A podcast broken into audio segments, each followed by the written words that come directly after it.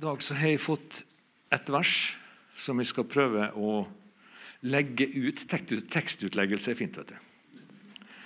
Det, vi går rett på sak her. Matteus kapittel 11 og vers 12. Det er her på denne sida.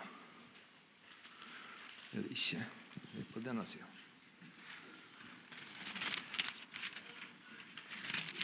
Matteus 11, vers 12. Det mange, blir mange bibelvers i dag. Så hvis du ikke har med deg noe å skrive på, så anbefaler jeg å gå inn på podkasten etterpå. Ta det hele opp igjen. For da kan du pause og lese underveis. Matteus 11, vers 12. Og fra døperen Johannes dager og til nå trenger de seg inn i himlenes rike med makt, og de som trenger seg inn, river det til seg. Sist gang vi satt her og sist gang vi delte nattverden, det var da Daniel var her, tre uker siden. noe. Måned siden, kanskje.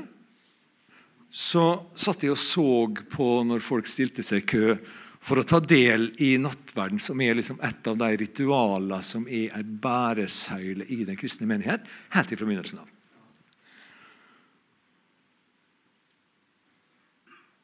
Når menigheten de møttes i hjemmet, daglig delte nattverden som en påminnelse av det Jesus gjort, at han gjorde, at han ga sitt blod, at han ga sitt legeme for oss. Og Når vi tenker på det, så er det en mektig ting vi gjør. Når vi påminner oss sjøl om frelsesverket, vi påminner oss sjøl om Jesu legeme og Jesu blod. Og vi fornyer vår pakt med Han hver gang vi tar del i dette. Det kan se ut som en symbolhandling, men det er ikke det. Det er en åndelig realitet som vi ikke skal ta lett på. Og Mens jeg så på at folk stilte seg i kø, så tar Herren til meg. Det snakka vi om på Bjorli forrige helg. Det var jo fantastisk å høre alle de forskjellige. Forresten, alle sammen, tusen takk for sist. Det var ei herlig helg. Det, det var fantastisk.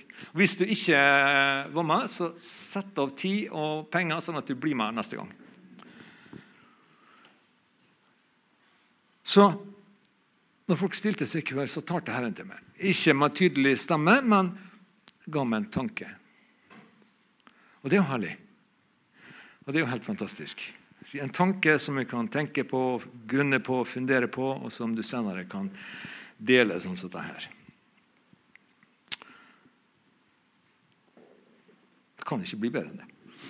Så det budskapet som er i dag, det har ligget klart på PC-en min egentlig ganske lenge. For det er sånn Herren arbeider meg med. Jeg får en tanke, og så får jeg et bibelvers, og så begynner jeg å skrive litt om det, og så bygger det på seg, så bygger det på seg. Det kan gå over lang tid. Så dette har ligget lenge på PC-en, men jeg har ikke hatt noen inngang. ordentlig. Det er jo veldig fint å ha en god inngang, ha en knagg som vi kan henge hele greia på. Det, det, er fint å ha. Men så tar det her en time, og ga meg den inngangen. Han sa, 'Se på disse flotte folka.' De, har, de er sterke, hardføre krigere. De har stått i kamper, og de har stått seirende. Og de står den dag i dag sterke i meg fordi at de har storma mitt rike og revet det til seg. Med sin utholdenhet, sin standhaftighet, sitt mot og sine bønner, så har de tatt til seg av det som jeg har å gi dem. Kjenner du det igjen? Hvis du sier at du ikke kjenner det igjen, så tror jeg det ikke. For det, det er ikke alltid vi ser oss sjøl på samme måte som Gud ser oss. For vi sammenligner oss sjøl så litt med hverandre. Og vi sammenligner oss sjøl med de vi ser på som et hakk høyere enn oss, som sterkere enn oss, som mer erfarne og som mer seirende kristne enn oss. Men vet du hva? Gud sammenligner oss ikke. Gud, han Og selv om vi sier at vi ikke sammenligner oss, så bedømmer vi oss sjøl på en måte. Men ut ifra hvilke kriterier? Kan jeg bedømme meg sjøl ut ifra Jan Tore sin frimodighet? Kan jeg bedømme meg sjøl ut ifra Tarald sin kunnskap? Kan jeg bedømme meg sjøl ut ifra Elin sin eh, musikk? Nei. Gud bedømmer oss ut ifra det kall og den utrustning og den erfaring han har gitt oss. Og da, og da blir det plutselig noe helt annet.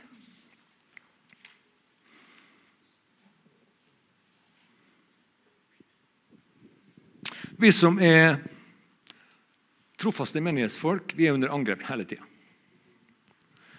Vi må slåss, og vi må kjempe. Og Som Daniel sa da han var her, så er det ikke de kampene vi skal bruke tida vår på. Men likevel så må vi erkjenne at de er der. De kommer, Angrepene kommer ofte i flokk og følge. Men har du tenkt på det at ingen av de angrepene som djevelen har sendt imot har tatt livet av det? Ingen av de angrepene har beseira det. Du står ennå. Du kan kjenne at du er sliten og trøtt og såra og lei, men du står.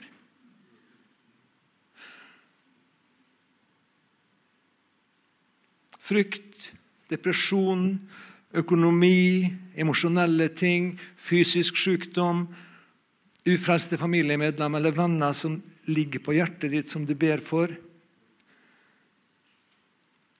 Alt mulig rart kan djevelen finne på for å stjele din oppmerksomhet og stjele ditt fokus. Ta blikket ditt vekk ifra korset, der det alltid skulle ha vært festa. Så, og Hvis han kan fylle det med, med, med, sånne tanker og fange det i bekymring, så er det det beste han vet. Fordi at Vet du hva bekymring er? Dette er interessant. Bekymring det er når du ser for deg framtida uten at Jesus er i den. Og Jesus er ikke i den framtida som du ser i din bekymring. Fordi at Jesus, han er med det, og han er i det alltid. Det har han lovt. Det er herlig, da.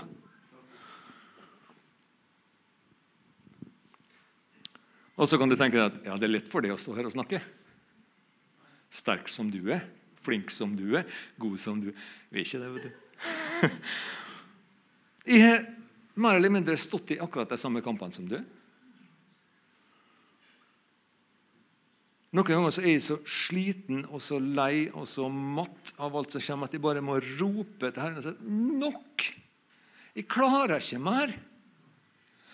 Og da igjen vet du, så svarer han, så taler han til meg. Og så sier han at ja, men jeg klarer Bare overgi det til meg. Du bare gi det fra deg. Gi slipp på det. Tilbe meg. Det er din jobb. Det var så herlig med tilbedelsesmusikken på slutten. Det var bare så, åh, det var så godt. Fantastisk godt. Og i, i, slike situasjoner er det eneste vi kan gjøre, det er å trenge oss inn på Guds rike. Og, og rive til oss det vi kan, på en måte. Og Det er det som Herren har leda meg til i dag. Dette ene verset fra Matteus skal vi prøve å, å legge ut det da litt. Fra døperen Johannes dager og til nå trenger de seg inn i Guds rike. Og de som trenger seg inn, river det til seg med makt. Og Dette er et av de utsagnene fra Jesus som vi kan tenke er litt merkelig. på en måte. Hva er det han mener? Selvfølgelig så er det en konstatering av fakta. Han sier at det er folk som, som trenges inn i Guds rike, og som river det til seg. Slik var det på Johannes tid, slik var det på Jesu tid, og slik er det i dag. Jeg har hørt forkynnere som har sagt at dette er djevelen hans hær av demoner som trenges inn for å rive Guds rike i stykker. Og Det er jo fint å se, hvis du vil skremme folk og, og, og, og sånn. For, for, det er jo og det har jo vært folk som sitter i, gudstjenester under forkynnelse, og som tar til seg alt de får høre, og bare sluker det rått uten å vurdere eller kontrollere noen ting. Men ikke gjør det. Grunnen til at vi opplyser om eh, skriftsteder vi bruker, er jo nettopp det at du skal ha mulighet til å kontrollere og til å verifisere at det faktisk er Guds ord vi tar derfra. Også at du kan gå videre og studere mer på det sjøl og gå dypere i det. Som igjen gir det mulighet til å utvikle din egen tro, din egen gudsrelasjon, og til å vokse mer sånn ved at ordet ordet det direkte til deg sjøl. Så jeg tror altså ikke at det var djevelen og hans demoner som skal rive til seg Guds rike. Ganske enkelt fordi at djevelen var ute etter å ødelegge Guds rike lenge før Johannes. Og Jesus sa at dette begynte med Johannes. Så kan vi spørre Da da er det et godt spørsmål. Synes jeg. Hva begynte med Johannes? Det er spennende. La oss se hva Bibelen sier om Johannes. Vi skal se, ta et enkelt vers. Er egentlig ikke så veldig begeistra av å plukke liksom enkelte vers, men av og til så er det greit. Johannes eh, Hvor var vi nå? Nei, det var i Markus. var vi. Markus 1,4. Johannes sto fram og døpte i ødemarken. Han forkynte omvendelsens dåp til syndenes tilgivelse, eller syndenes forlatelse. Og det var noe nytt. Og dette er det som utmerker Johannes framfor alle andre. Det var profetert om Johannes også i Gammeltestamentet. Vi slår det ikke opp, men vi kan ta det med. Malaki 3,1.: Se, jeg sender min budbærer. Han skal rydde vei foran deg. Og i Isaiah 40, vers 3.: Hør, det er en som roper, rydd vei for Herren, gjør i ødemarken en jevn vei for vår Gud. Dette er Johannes. Og Han gjør noe som aldri før har vært gjort på jorda. Han er en forgjenger. Han varsler at Jesus kommer. Han varsler, han roper omvendelse, og han døper dem som omvender seg, med vann. Og han er den første som forkynner at Jesus er Messias. Når Jesus kommer til Johannes for å bli døpt, så roper Johannes ut at Se! Guds lam som bærer verdens synd. Dette er den første proklamasjonen av åpenbaringa om at Jesus er offerlammet som bærer all verdens synd som jo er faktisk den samme åpenbaringa som Peter bærer fram i den kjente episoden i Matteus 16. Eh, at, eh, at, du er Messias, den levende Guds sønn. Og som Jesus sa at dette er åpenbaringa som jeg skal bygge menigheten på. Så det er noe vi alle trenger å forstå. Johannes varsla at Guds rike nærmer seg. Og hvis vi går i Matteus 3 Skal vi se her Det blir litt blading i Bibelen i dag, men eh, som sagt, du trenger ikke. Du kan bare lytte, du kan notere, du kan gå tilbake på podkasten. Matteus 3 og i vers 2 så sa Johannes, omvend dere, for himlenes rike er kommet nær. Og det er helt sant. Og Jesus han var ikke blygere enn at han sa det sjøl. Hvis vi ser i Lukas kapittel 11 Det er herlig å, å, å lage et sånn preken som denne. Å sitte og studere og skrive og bla i Bibelen og be og fundere. Vi syns det er helt vidunderlig. Lukas 11, vers 14 til og med 20. Ja. Han drev ut en demon som var stum. Da demonen hadde fart ut, talte den stumme, og folkemengden undret seg. Men noen av dem sa han driver ut demoner ved Belsebub, demonenes hersker. Andre krevde tegn fra himmelen for å friste ham. Men han kjente tankene deres og sa til dem.: Hvert rike som kommer i strid med seg selv, blir lagt øde, og husfolk som er i strid med husfolk, faller. Hvis også Satan er kommet i strid med seg selv, hvordan kan da hans rike bli stående? For dere sier at jeg driver ut demoner ved Beelzebub, men hvis jeg driver ut demoner ved Beelzebub, hvem, ved hvem er det da deres sønner driver dem ut? Og hvorfor skal de være dommere? Men hvis jeg driver ut demoner med Guds finger, da er sannelig Guds rike kommet til dere. Så når Jesus drev ut demoner og helbreda folk ved Guds kraft, så viste han med all mulig tydelighet at Guds rike var kommet. Det kom av Jesus, og Johannes varsla sine samtidig om det. I tillegg til at han prekte omvendelse som ingen hadde gjort før han.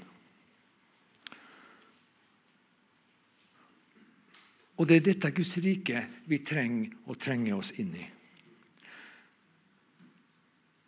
Vi må trenge oss inn i det, og vi må rive det til oss. Ikke som ranere med ondt i sinnet, men som ivrige barn på julaften eller bursdag som ikke kan vente med alle, få alle disse spennende gavene og rive av papir. Du sitter en liten unge når han får ei stor, spennende pakke med glorete papir, og, greier, og, og han river opp med lys i øynene og kjempeivrig for å se hva som er inni.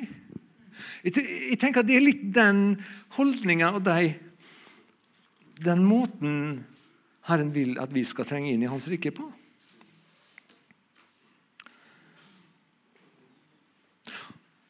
Og det er ikke bare en glede for den som får gaven, det er en glede for den som gir også.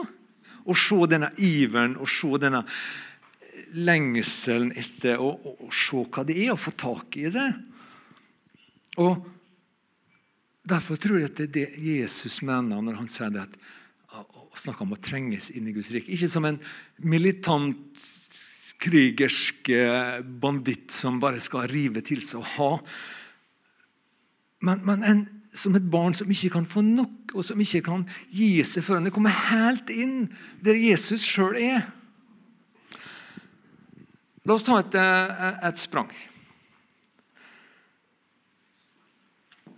Filipperbrevet, kapittel 3. Paulus vet du, han var en, eh, en, eh, en type for seg. Filipperbrevet 3 fra vers 7 og til og med 12. Nå blir det et lite taktskifte her, da.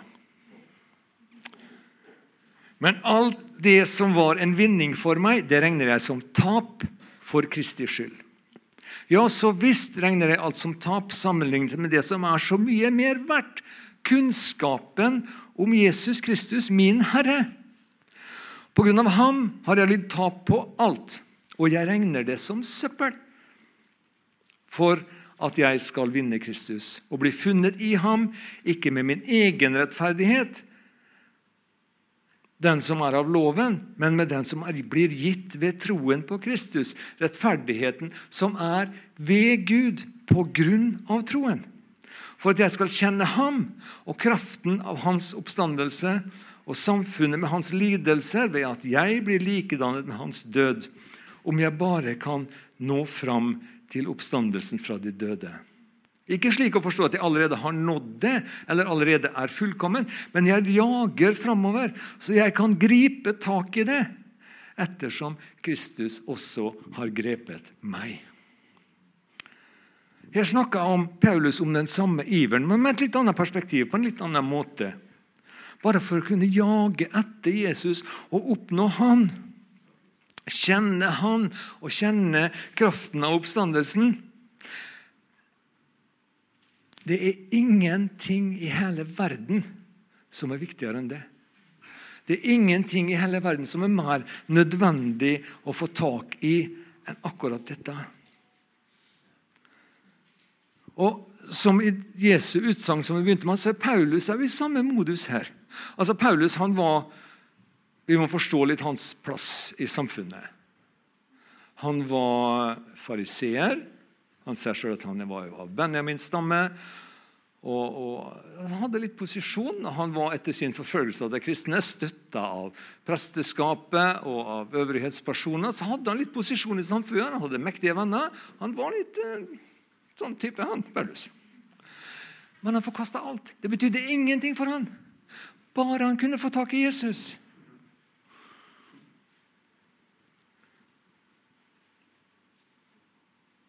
Og bare for å kunne løpe uhindra i livsløpet sitt, som handler om en eneste ting å forkynne den korsfesta og oppstandende Jesus Kristus.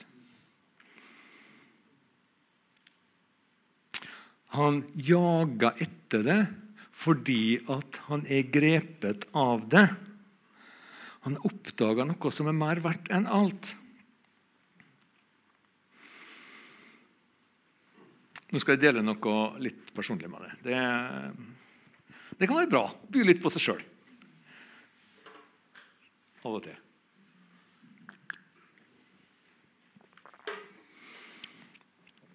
Noen ganger så får vi en åpenbaring som tar litt tak i oss. Det kan være et vers eller avsnitt i Bibelen som vi får spesielt lys over. Eller plutselig kan vi oppfatte noe som vi ikke har sett før. Og som blir så levende og viktig for oss at vi vet at dette kan jeg bygge livet mitt på. Har du opplevd det? Det er fantastisk. Min åpenbaring er dette. her. Det er en forståelse av Bibelens sannheter som gjennom et liv med motstand og prøvelser har fått lov til å erfare at slik er det. Det er bare en kort setning, og jeg gjentar det ganske ofte. Når jeg holder i handa til Jesus og ikke slipper den, så slipper han meg aldri. Den kan du ta med deg. Den kan du få lov å sitere meg på så lenge og så ofte du bare vil, og så høyt du bare vil. For dette er en sannhet som er helt usvikelig. Når vi holder oss fast i Jesus, så slipper han oss aldri.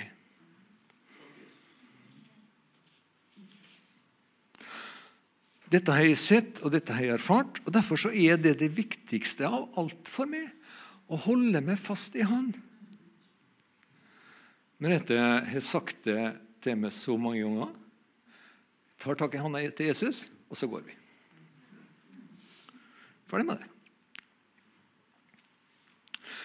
For bare med hånda mi i hånda til Jesus er det ikke noe ondt som kan nå meg. Bare med hånda mi i hånda til Jesus, der finner jeg sjølve livet. Der er alt. Og Da er det bare det jeg trenger å konsentrere meg om. Og Derfor er det bare der jeg blir angrepet. Djevelen gjør hva han kan for å lure meg til å ta en sak i mine egne hender. Han gjør hva han kan for å få meg til å feste blikket på andre ting. Eller til å bli fortvilt eller nedbrutt eller så grenseløst forarga det hender av og til at jeg blir så opprørt at jeg slipper taket i Jesus og går mine egne veier. Og Da taper jeg vet du, hver gang. Fordi at i det øyeblikket jeg slipper taket i Jesus, da har jeg ingen andre enn meg sjøl å stole på. Da må jeg stå på mine egne svake, vaklende føtter. Og da kan jeg slite. Da er jeg alene, da er jeg svak, og da er jeg hjelpeløs. Men når jeg holder meg fast i Han med all min kraft, så slipper Han meg aldri.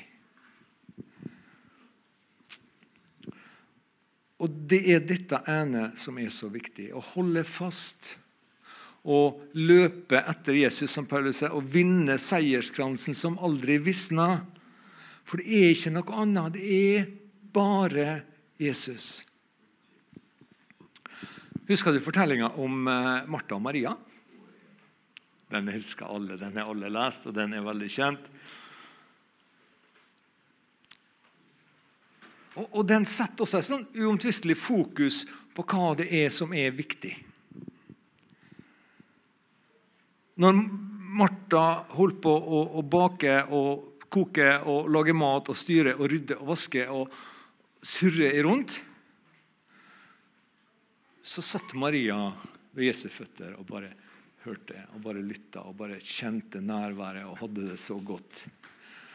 Og Jeg er sikker på at Martha hun, hun laga litt mer lyd og litt mer styr og litt mer spetakkel enn det som kanskje var nødvendig. Irritasjon over søstera som bare satt der. Og jeg er sikker på at Maria kjente kanskje både ett og to stikk av dårlig samvittighet. Men hun kunne ikke gi slipp på den stunda i Jesu nærvær. Og Jesus bekrefta det og sa at hun har funnet det viktigste av alt, og det skal ikke bli tatt fra henne. Så det var hennes måte å trenge seg inn i Guds rike på. Med makt, på en måte. For å få tak i det som var der, det som Jesus hadde. Som vi leste i stad, i Lukas 11, så kom Guds rike til jorda med Jesus. Når det er ved Guds kraft Jesus driver ut onde ånder, da er Guds rike kommet til jorda, er representert ved Jesus sjøl.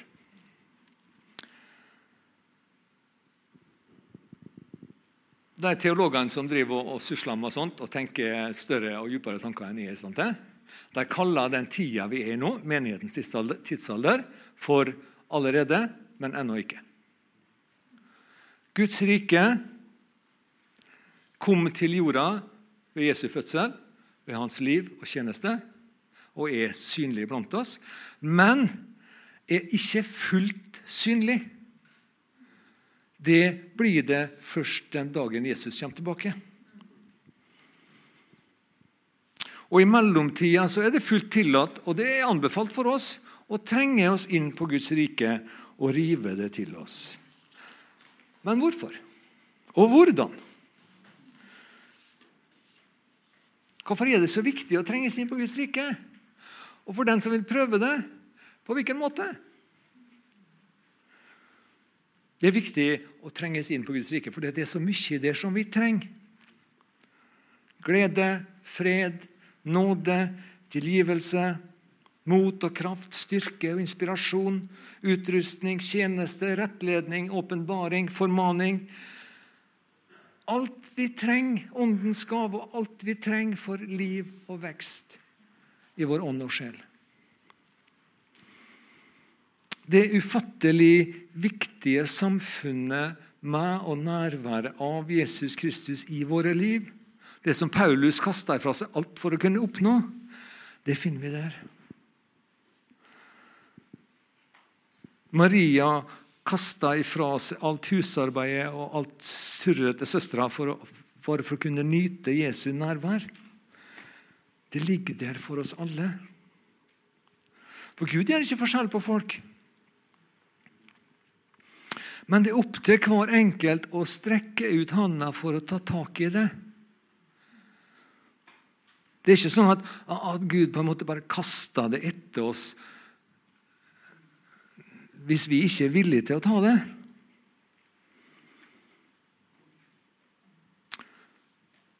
Jeg tror jeg har sagt det en gang eller to før, men det er noe som er så viktig i, i bygginga av vår gudsrelasjon, så jeg kan godt gjenta det. Gud er en Gud som relaterer til vår tilnærming til Han. Når jeg strekker hånda mi opp til Han og sier at Gud, jeg elsker deg, så strekker han seg ned til meg og sier jeg elsker det. Hvis jeg velger å ikke bry meg om Gud, så er det ikke noe han kan gjøre med det. Og jo mer vi trenger inn på Han med våre ønsker og våre behov og våre begjæringer, desto mer vil Han gi til oss. Den som er ivrigst, trenger seg lengst inn og vil få tak i mest. Men ikke misforstå, det dreier seg ikke om noe konkurranse eller om å få tak i mer enn naboen. Det er en verdslig tanke. Det er vårt hjertes behov og vårt hjertes forhold med Han som er avgjørende for hva vi får tak i. Og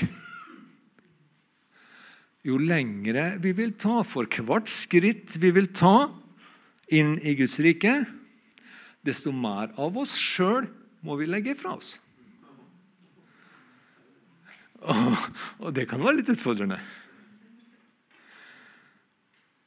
Jeg er villig til å legge fram egenrettferdigheten min. Jeg villig til å legge fram en bit av dette her store egoet mitt.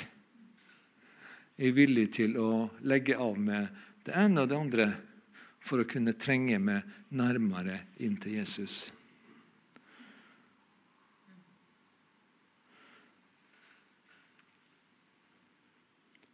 Det er på en måte det som er helliggjørelsen vår. Ikke at vi skal arbeide med oss sjøl for å bli bedre og bedre mennesker. Men at, at, at vi er villige til å legge fra oss ting etter hvert som han pirker på det. Altså, 'Dette er ikke helt bra, gutten min. Dette kan du prøve å se på en annen måte.' Vi hører mye på podkasten til Nordvestkirka. Det er fantastisk mye bra. Og En dag her så hørte jeg Jan Tore. Han sa det at, at uh,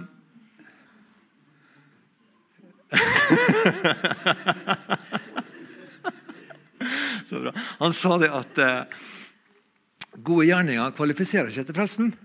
Men frelsen kvalifiserer til gode gjerninger. Ja, Veldig bra sagt. Det var supert.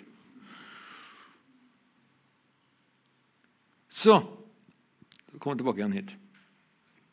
Det var en liten digresjon, dette der med helliggjørelsene. Men det er veldig bra. Men hvordan oppnår vi dette her da, å, å komme inn i Guds rike og trenge oss inn på Han? For oss bortskjemte nordmenn i det 21. århundre så er det ikke alltid så enkelt, ukomplisert. Fordi vi har alt, men vi vil ha enda mer. Vi har de aller fleste av våre behov dekt. Men likevel så har vi et begjær i oss etter mer av det ene og mer av det andre. Vi vil ha nyere sofa, vi vil ha større TV, vi vil ha større hus, vi vil ha nyere, dyrere bil, vi vil ha større båt. Og vi vil ha hytte i det dyreste hyttefeltet, kanskje.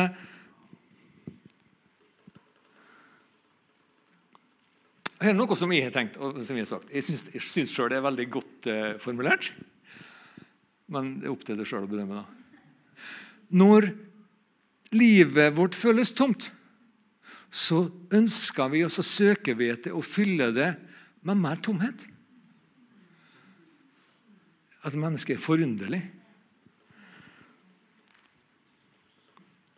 Og alle de tomme tingene som vi fyller, fyller livet vårt, det bare, bare, drar oss inn i et jag etter enda mer tomhet. Det er helt, helt ufattelig rart. Mer tomhet, mer vind å jage etter, som, som Salomo sier i, i Forkynnerens bok.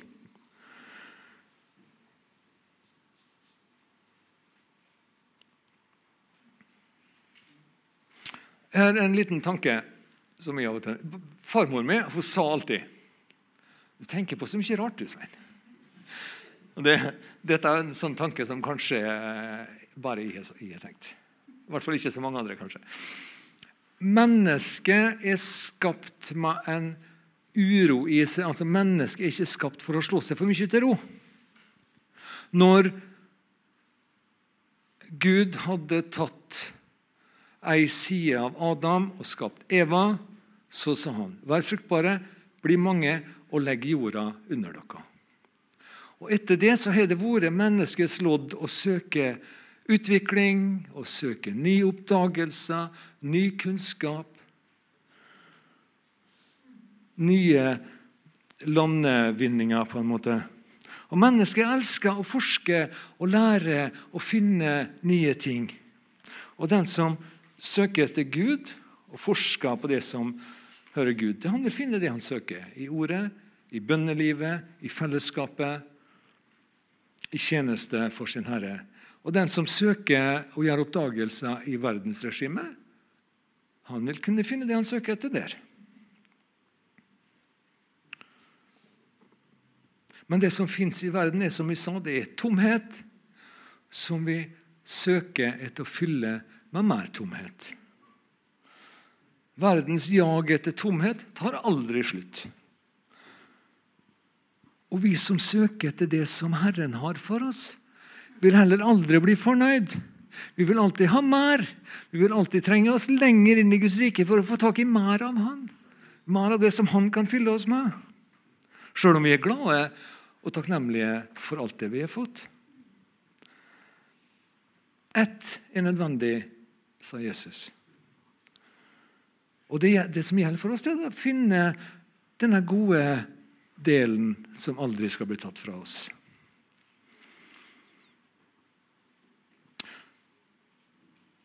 Som Elin sa her i stad, så er Herren nær til hver og en av oss. Men likevel er det så viktig for oss å trenge oss lenger inn.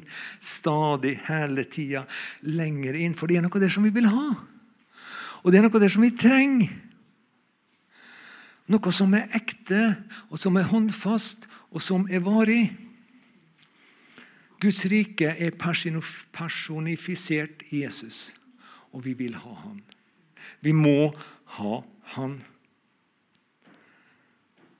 Hver dag, hele livet gjennom, trenger vi å komme nær til Han. Trenger vi å kjenne på mer av Hans kraft. Og Det som er farlig for oss, da, det er når vi av og til mister litt fokus. Kommer litt på sidelinja og får et litt sånn sideblikk på vår velstand og alle de gode tinga som vi De gode tinga som vi har. Åh, av og til så har jeg sagt det at Dette er en sånn, litt sånn refleksjon. da. Alle ting som vi fyller livet vårt med, hus og biler og, og, og alle mulige gjenstander som kanskje gir oss status og som kanskje lar oss føle oss litt sånn OK? Det krever noe av oss. Det krever oppmerksomhet og tid og vedlikehold. Så det kan ofte være bedre for oss å ha litt mindre. ikke det greit, da? Det er ikke akkurat disse ordene jeg har brukt når jeg har tenkt for meg sjøl, men uh, av og til må jeg modifisere litt.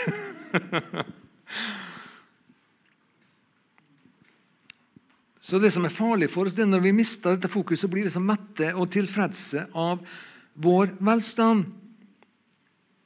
I lignelsen om sommeren i Matteus 13 eh, så forteller Jesus om kornet som blir sådd mellom torner. Som vokser opp, og som blir kvert av velstand. Rikdommens bedrag, sier Jesus. Tidens bekymring og rikdommens drag. Det er Matteus 13, 22. Som kveler denne spira som vokser opp, sånn at den blir uten frukt.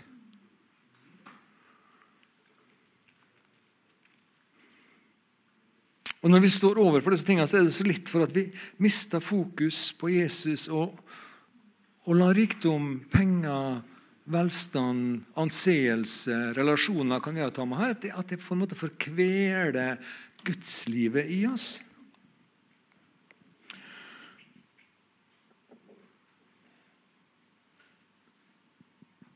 Og Desto viktigere er det at vi bruker enda tid enda mer energi på å trenge oss inn på Guds rike for å få tak i det som Jesus har, og trenge oss inn på Jesus.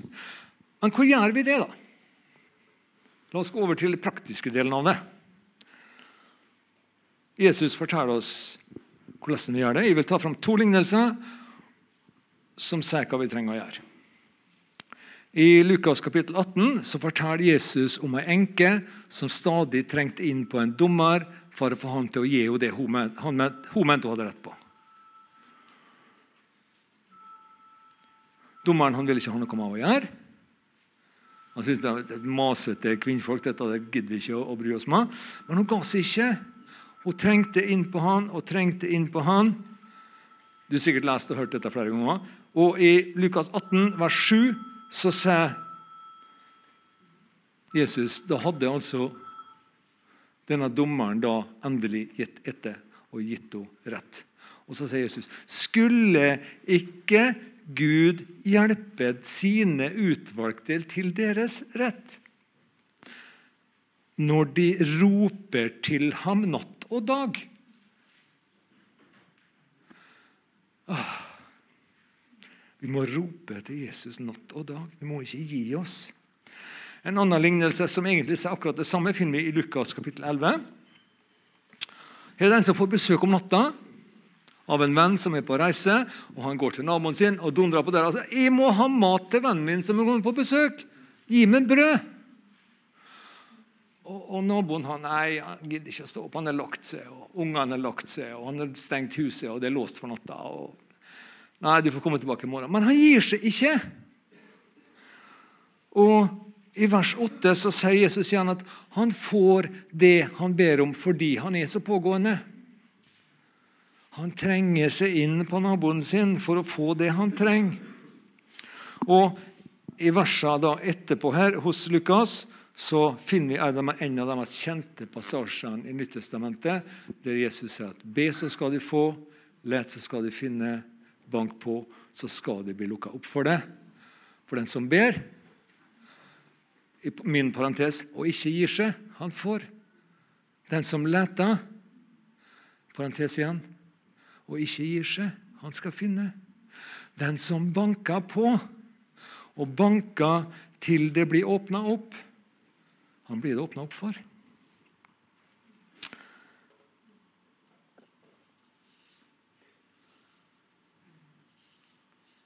Når eh,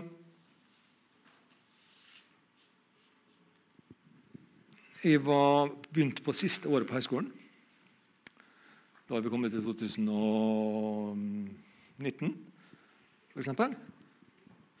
Så sto jeg plutselig uten inntekt. Det var spennende. Det var en spennende tid. Utgiften vår var det samme, inntekten var mer enn halvert. Så I sju måneder så måtte vi leve på Meretes inntekt. Det var eh, interessant. Men det var så rikt. Det var så spennende fordi at vi opplevde fra dag til dag, fra veke til veke, Herrens påtagelige, påviselige innflytelse på dagliglivet vårt. Han sørga for oss, han holdt oss oppe i alle ting. Men altså Da måtte jeg begynne å søke jobb. Um, vi hadde da praksis eh, i Kilden, pinsemenigheten på Andersnes.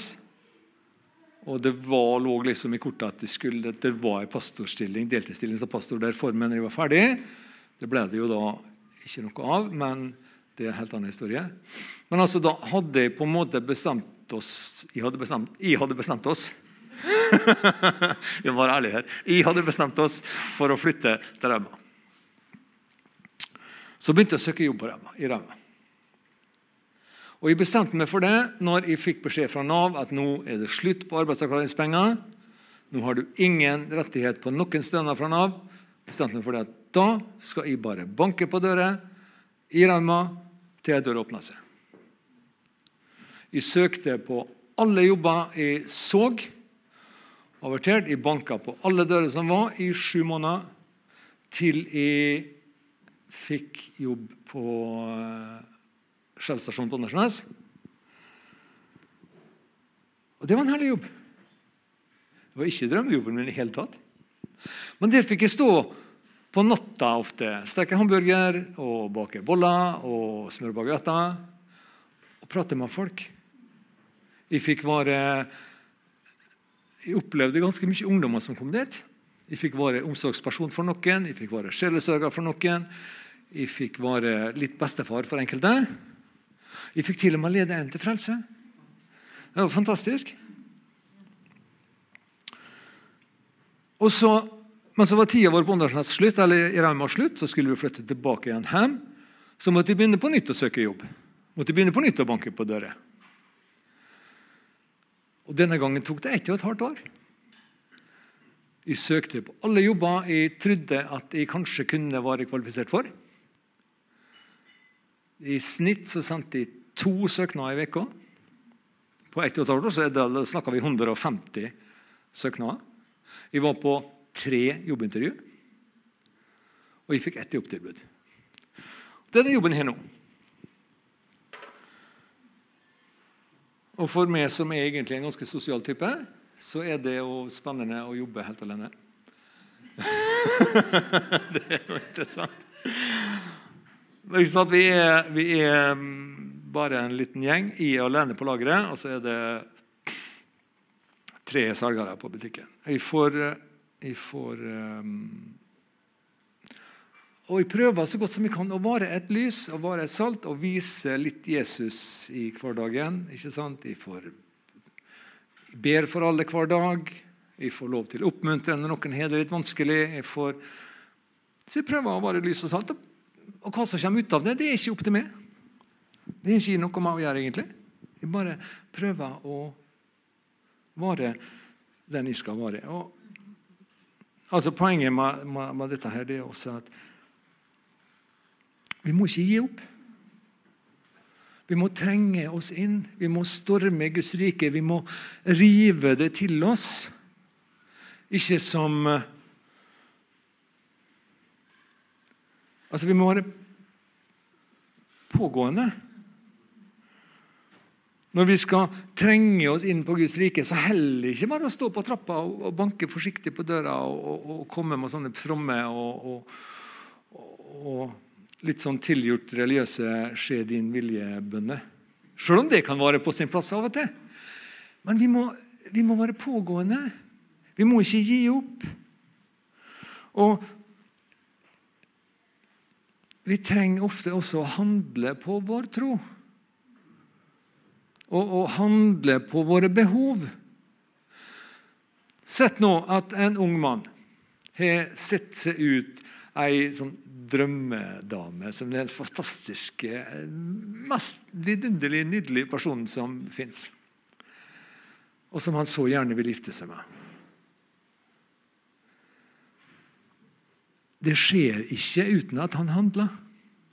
Han må bli kjent med henne. Han må presentere seg sjøl. Han må bygge tillit, han må bygge relasjon, han må bygge gjensidig respekt. Hvis ikke kan han bare glemme det. Han må bruke litt tålmodighet og litt tid for å bygge denne relasjonen. Nå skal jeg snart slutte. Nå ser jeg at eh, det kommer mat på bordet bak her. Så det, det, Da er det et signal om at nå er, det, nå er tida di over. Det hender at Gud prøver troa vår, at Gud prøver tålmodet vårt, at Gud prøver standhaftigheten vår, pågangsmotet vårt. Men når han gjør det, så er det ikke Husk på dette, her, ta det med deg. Gud prøver oss ikke for å finne ut om trua vår er sterk nok, om vi er nok tålmodighet, om vi er nok pågangsmot, for at han trenger å vite det. For han er Gud og vet alt. Han prøver det for at vi skal se. Ikke om troa vår holder, men at troa vår holder. Ikke om vi er tålmodige nok, men at vi er tålmodige nok. Ikke om det han har gitt oss, er nok men at det er nok i overflod. For det som Han har gitt oss, det som vi har fått når vi trenger oss inn i Hans rike, det er tilstrekkelig til alt det vi våger å bruke det til. Igjen så relaterer Gud relaterer til vår tilnærming til Han.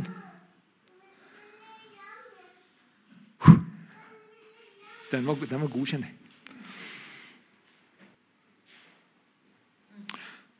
I det møtet vi snakka om i begynnelsen Dette er siste, siste avsnittet mitt. I møtet jeg snakka om i begynnelsen, når jeg så på køa som lina opp her for å ta del i nattverdsmåltidet, så ga Gud meg oppmuntring til dere. Det er en fin plass å slutte. Han talte til meg igjen, og han sa en ting om forsamlinga. Og ta det med dere som en oppmuntring. Han sa disse folka de er som Gideon. De ser seg sjøl som svake, små, ubetydelige, slitne, kanskje skadde. Men hvis de kunne se seg sjøl med mine øyne, så kunne jeg gjøre store ting med dem, gjennom dem. Gideon så seg sjøl som den yngste sønnen i den svakeste familien i Israel. Men i så han som den djerve krigeren og sterke lederen som han var.